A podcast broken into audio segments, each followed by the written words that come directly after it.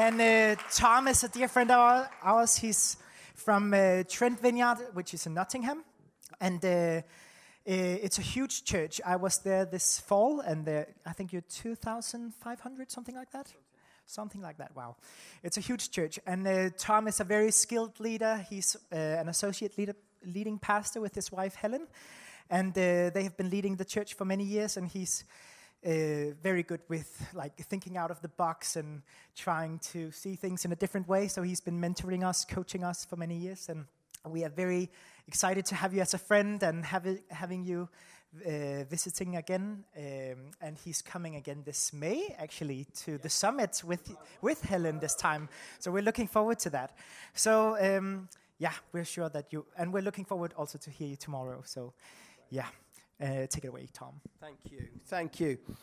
Um, I love coming over to Copenhagen Vineyard because I don't have to be responsible um, for what happens after my talk. Um, so I have feel a great freedom as I join you. But I have um, just been really seeking God and asking, Lord, what is it that you want me to share?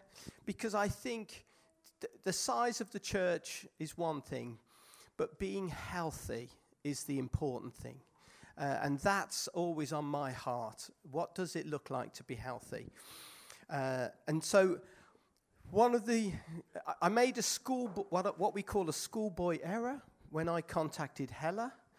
I offered her two talks, thinking she would choose one. and instead, she said, Would you do both? So um, that's, um, that I am actually looking forward to that tonight. But this morning, I want to look at what does it mean to be a serving church? And I want to unpack that in a way that's not so much about doing, but about thinking why it is that we are servants of the living God. Have you ever enjoyed the experience of being served? You know, in, in a way that you were overwhelmed. Perhaps you were, it was a surprise birthday party for you It Still never happened to me. I don't know what's going wrong, but. Um, or, or perhaps, you know, you were at a restaurant and you were just amazed at the way the staff were so attentive. That tends to happen in the more expensive restaurants, I've noticed. Um, or perhaps you were on holiday, or you know, and the way you were treated uh, in the hotel you were staying in, or or just on the holiday site whatever it is, have you, can you remember being served and, and how that made you feel? Because it can have a, a profound impact. It can, it can really make a difference to us. We can feel valued, special, important, wanted, loved. And that's really at the heartbeat of my message today, because that's our desire as followers of Jesus we want people who, both those that don't know Jesus, but also within the life of the church, we want people to experience that as we serve one another.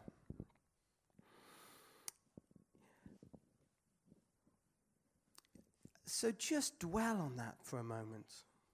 Just dwell on what it would what a difference it would make in people's lives if they are feeling valued, special, important, wanted, precious, especially here as they come in to the church, not just on a Sunday, but as they go into the your small groups and any other activities that you do as a church, if people have that experience, then it, they will be impacted.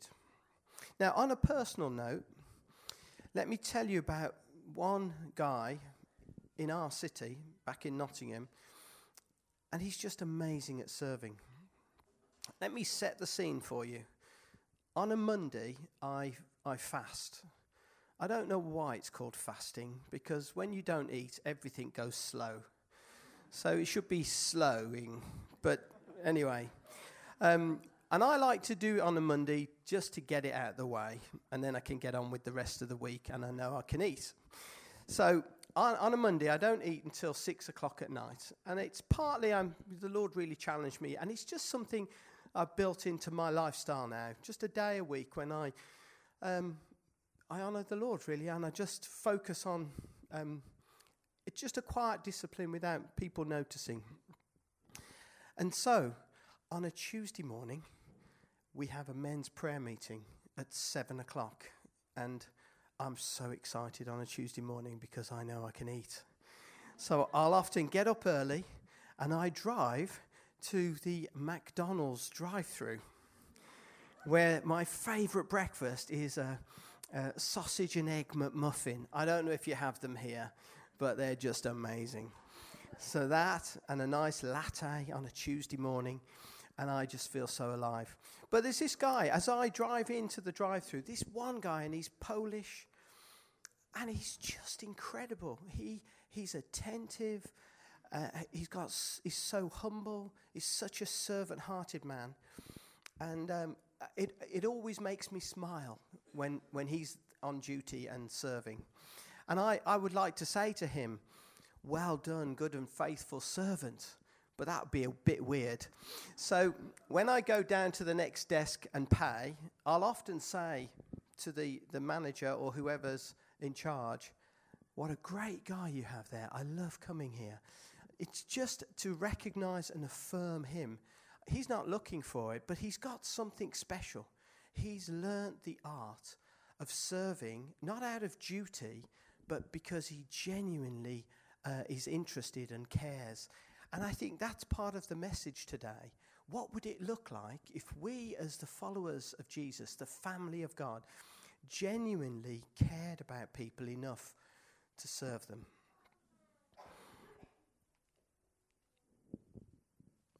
Perhaps you can think of someone now yourself who has inspired you.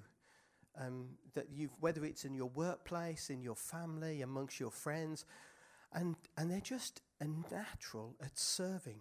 It's something that it, it doesn't demean them. It's not something that is below them. It just gives them joy to, to meet your needs. They're precious people. And I think Jesus wants us all to be a bit more like that. Can you imagine someone thinking of you as being inspirational because of the way you serve? Because of the way you just go about your everyday life and you quietly demonstrate that other people are more important than you. So I'm hoping that today we catch the vision afresh of being servants of the living God. So we're going to look at three things, and I'm, I'm going to stick to half an hour. So I'm watching the time just to reassure you. It's very important. But I'm going to look at why be a servant and serve. We'll look at some verses in the Bible. I'm going to look at what is the purpose of serving, and then how does Jesus expect us to serve? So, why be a servant and serve? Well, God rescued each and every one of us. Why? Because He loves us. So, God has served us by rescuing us. Uh, Ephesians 2, let me just read out these verses 4 and 5. But because of his great love for us, God, who is rich in mercy, made us alive with Christ even when we were dead in our sins. It is by grace you have been saved. So we've been given that gift by God. He's, he's served us by rescuing us. And He's given us that gift of eternal life. Ephesians 2 8 and 9. For it is by grace you have been saved through faith. So that's we can't earn this. And this is not for, from yourselves, it is the gift of God, not by works, so that no one can boast.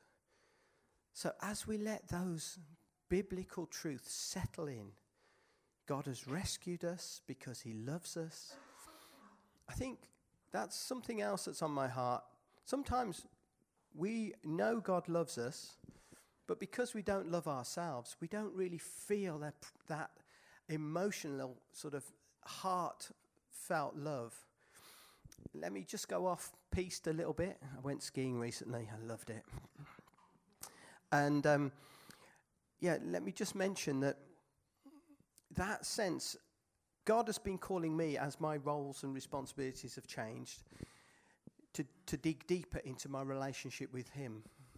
And so I've been seeing um, a sort of spiritual advisor. Um, sounds very grand, it's not really. And he gave me a bit of advice. He asked me, he said, before you sit down and read the Bible in, in the morning, which I try and do, um, he said, I want you to just sit and I want you to look at God, who is looking at you with love.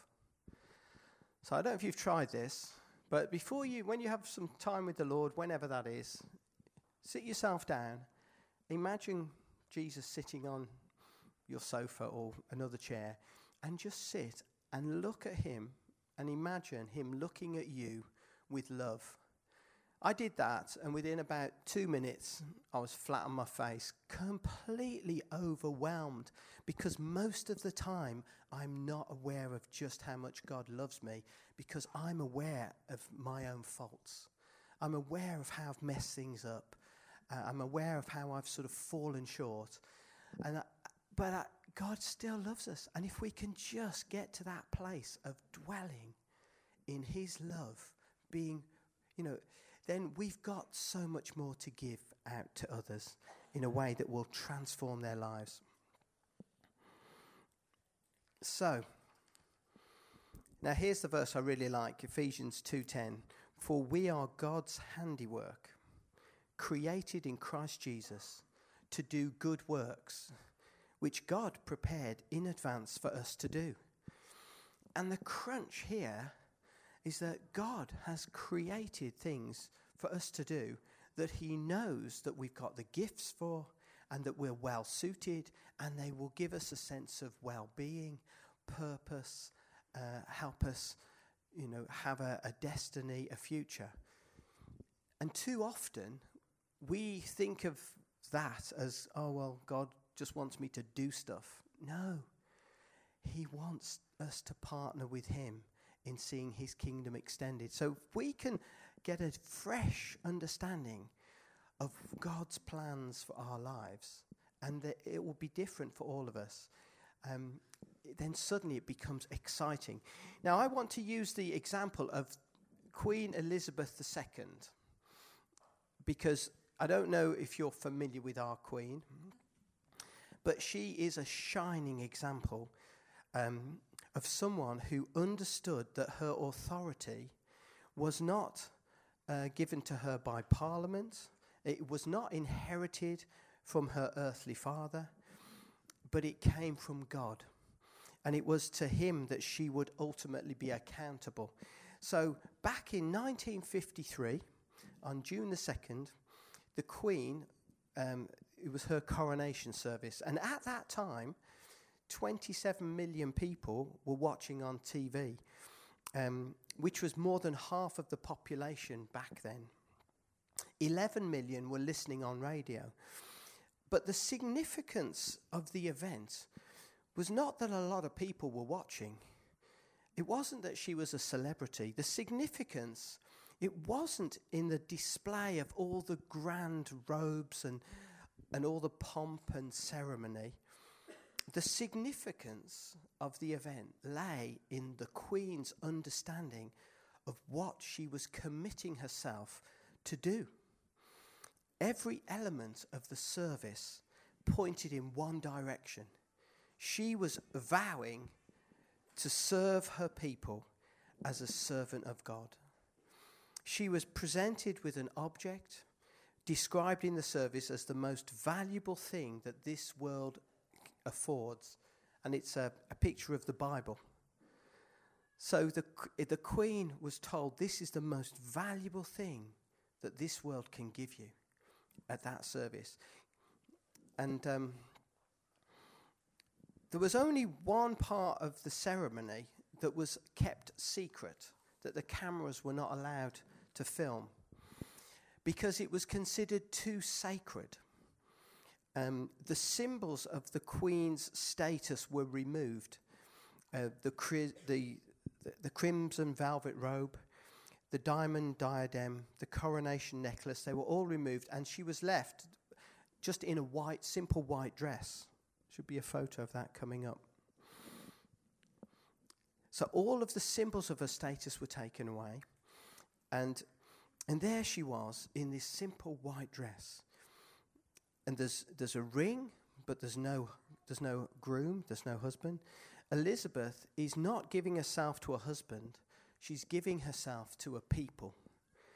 And at this point, the archbishop anoints her with oil, pours it over her, to show that she's been set apart to serve and to love her people. 55 years later, the Queen said this in her Christmas broadcast. She's amazing. She always talks about Jesus in her Christmas broadcast. She said this I hope that, like me, you will be comforted by the example of Jesus of Nazareth, who often in circumstances of great adversity managed to live an outgoing, unselfish, and sacrificial life.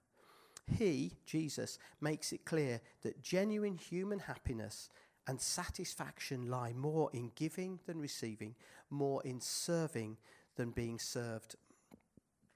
And, you know, I use the example of the Queen because she's royalty, but she knows that her purpose before God is to be a servant. And it may surprise you to know that we are all equal in God's eyes. He sees us all as royalty because we're members of His family.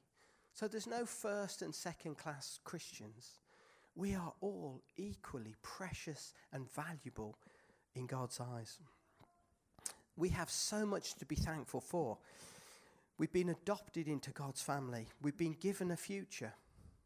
So, it's important that we don't take God's love for granted.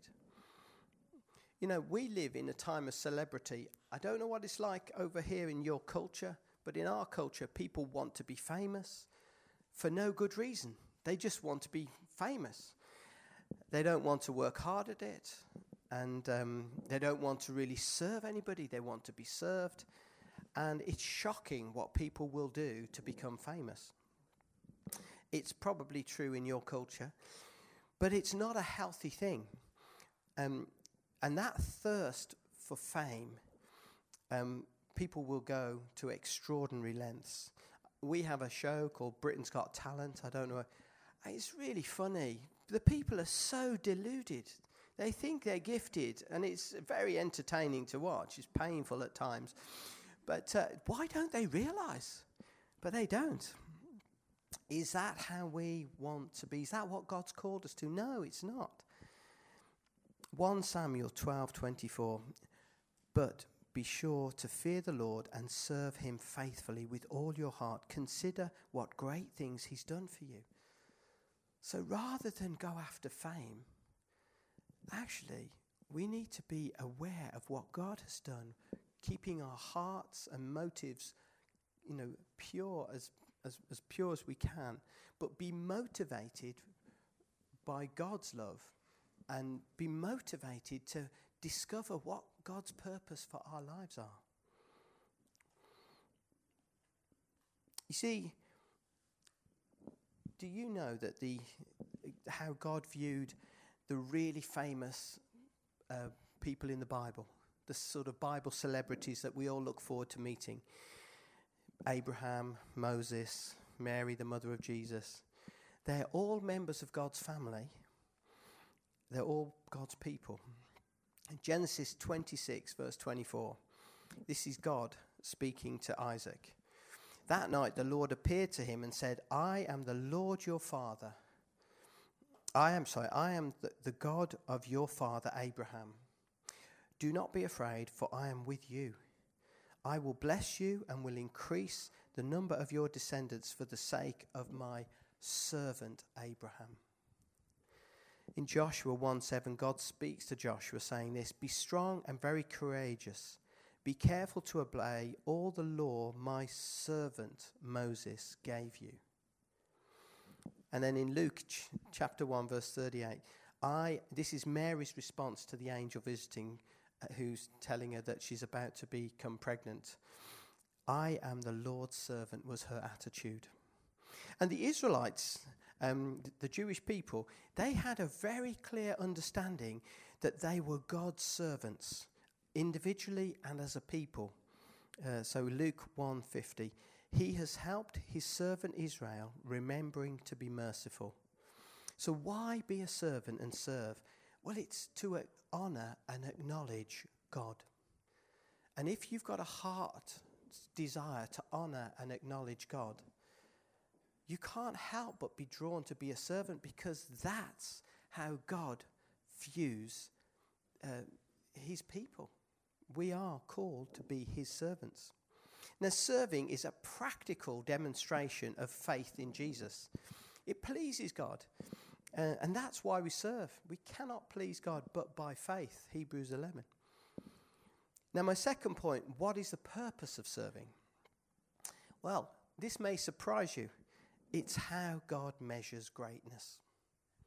So, if you want to be great in the kingdom of God, let me read from Matthew 20, from 25. Jesus called them together and said, You know that the rulers of the Gentiles lorded over them, and their high officials exercise authority over them.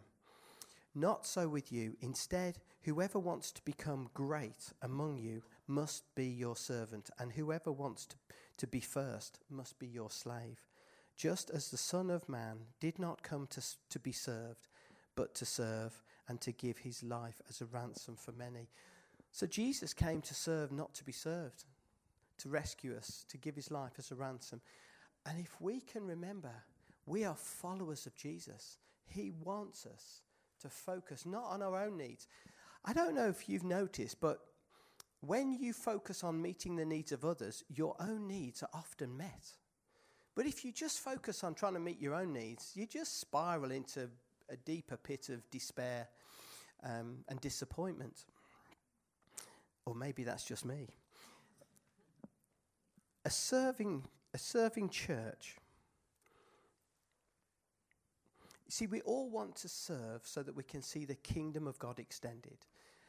Now, that doesn't mean your serving um, is, is a sort of a, a thankless task. It might well be sacrificial but it's something that God's speaking to you from your heart. It may be in the life of the church, it may be in your workplace, it may be in your families. It's a lifestyle. That's the key thing. And a serving church is made up of servants who demonstrate God's love in practical ways. And that's the purpose. The purpose is to demonstrate God's love. And we can't do that unless we are going to do that in practical ways in our cities, in our towns, in our communities, in our families, amongst our friends. Serving inspires others and it generates hope in tough times. Let me take you back to 1939. It was Christmas Day. King George the, uh, the sixth, I think it was, speaks to the nation and to the Commonwealth. What do you say to a nation that still bears the scars of World War I, where nine million British and Commonwealth soldiers died? What do you say when you know that what lies ahead as you're going into World War II will be the loss of many more lives and terrible suffering? And at the time, our Queen was only 13 years old uh, and she was still living at Buckingham Palace. And she handed her father a poem by Minnie Louise Haskins that she thought might help him. And indeed it did. It was the king that the king quoted this poem on his Christmas broadcast. And the, the picture and the poem will, will come up. I'll just read it out to you. The poem says this I said to the man who stood at the gate of the year, Give me a light that I may tread safely into the unknown. And he replied, Go out into the darkness and put your hand into the hand of God. That shall be to you better than light and safer than a known way. So, a 13 year old girl grasped the immense challenge her dad was facing and she helped him. those words, they stirred and they strengthened the hearts of millions of people at a, at a terrible time. Serving responds to the needs of others and it shows people that we really care. 1 John 3 16 to 18. This is how we know what love is. Jesus Christ laid down his life for us, and we ought to lay down our lives for our brothers and sisters. If anyone has material possessions and sees a brother or sister in need but has no pity on them, how can the love of God be in that person? Dear children, let us not love with words or speech, but with actions and in truth. The purpose of serving is to make a difference to those in need, those in need around us. Not for any obvious benefit for ourselves. Um, you know, and it may well be in your local community. You may already be serving in, in very hidden ways, and God would cheer you on. I mean, I'll often at church um, do something called high visibility serving. Um, it's a bit of a game, really. So when there's lots of people around, I'll happily empty the bins or, or go and walk around, I'll offer to pick up cups. Um, and it's just a bit of fun. Um, but I don't think I'm getting any sort of, there's, there's no, no, blessing in heaven for me with that. Um, but, but even so, I, what I'm trying to communicate from my heart is that I do believe this is God's heart for his people. That we would naturally serve one another um, and not think, oh, that's not my job. Oh, I won't do that. Um, it's just really, it's part of our DNA. You know, we have a, a savior and a king who came to serve. He's coming back to rule one day, but he's, he left us with the privilege of being his representatives on this planet. And um, we can transform it just by creating loving communities where we serve one another. It really is amazing the difference it makes. Are we making a difference in our local communities? Are we making a difference through our families? Are we demonstrating God's love in practical ways? That's something I just encourage you to think about. Be creative. It's a challenging thought. Do you remember the impact I mentioned earlier? Serving people can make them feel valued, special, important, wanted, loved. It doesn't make them feel used. It doesn't make them feel, oh, they're just a number or an inconvenience. We develop godly character while we serve because it does require us to be humble. Finally, my third point how does Jesus expect us to serve? And this is quite straightforward. He wants us to humbly, selflessly, and thoughtfully serve. And serving can be controversial. John 13, let me read this out. When he had finished, and this is Jesus, washing their feet, he put on his clothes and returned to his place. Do you understand what I've done? What I've done for you? He asked them. You call me teacher and Lord, and rightly so, for that is what I am.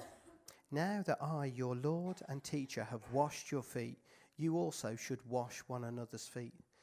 See, I don't know if you understand, but Jesus was being incredibly controversial in doing this.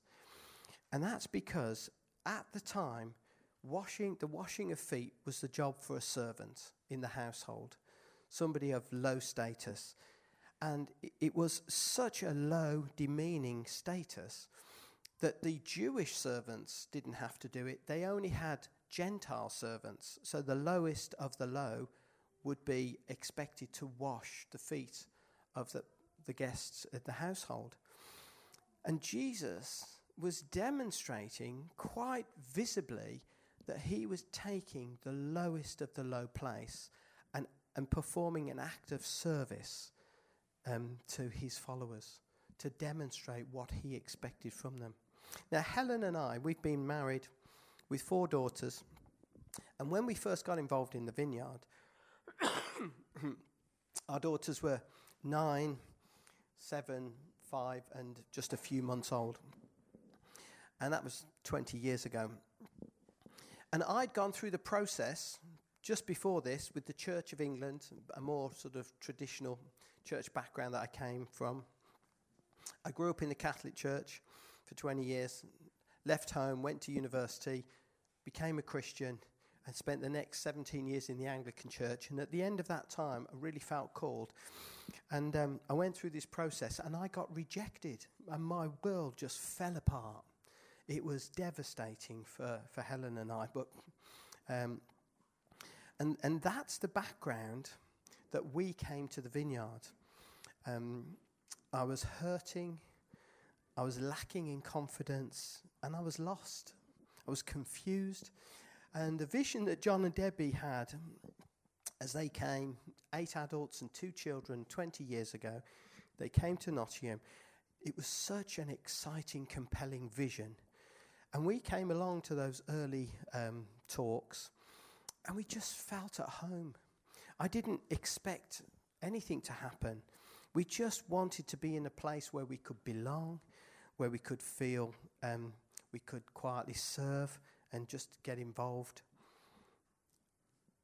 You know, and it's when I look back, Jesus already had sort of, there was about 30, 30 to 40 people that he had ready in Nottingham 20 years ago. And it, it was so exciting. We were meeting in a pub function room midweek. We weren't even meeting on the Sundays for a, ho- for a whole year. And coming from a religious Catholic background and, that, and then an Anglican, um, to just be in a place where the Holy Spirit would move and I could just be myself. You know, I had no idea I'd end up on staff. I'd let that dream die. I was a broken person.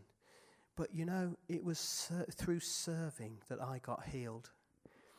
Um, I used to just love being part of. When we did move to Sundays, we used to go in and we had to set up the the foot. We hired a place from a football ground, and often there had been a party the night before, and we had to clean it. And um, but and then as everyone was arriving, I was often going to change clothes because it was sort of like a workout at the gym. It was really, but there's something about it that I loved um, because I felt well, I've already been worshiping the Lord. Because when we serve, we are worshipping. Um, the satisfaction of serving God, it's enormous. So, why are we so reluctant? I think it's something we just have to learn to be secure in our identity that we are loved children of a loving Father, a loving God. You see, serving is such a hallmark in a vineyard, and that's how Jesus expects us to serve. Philippians 2, verse 3 to 4 Do nothing out of selfish ambition or vain conceit, rather, in humility, value others above yourselves, not looking to your own interests, but each of you to the interests of others.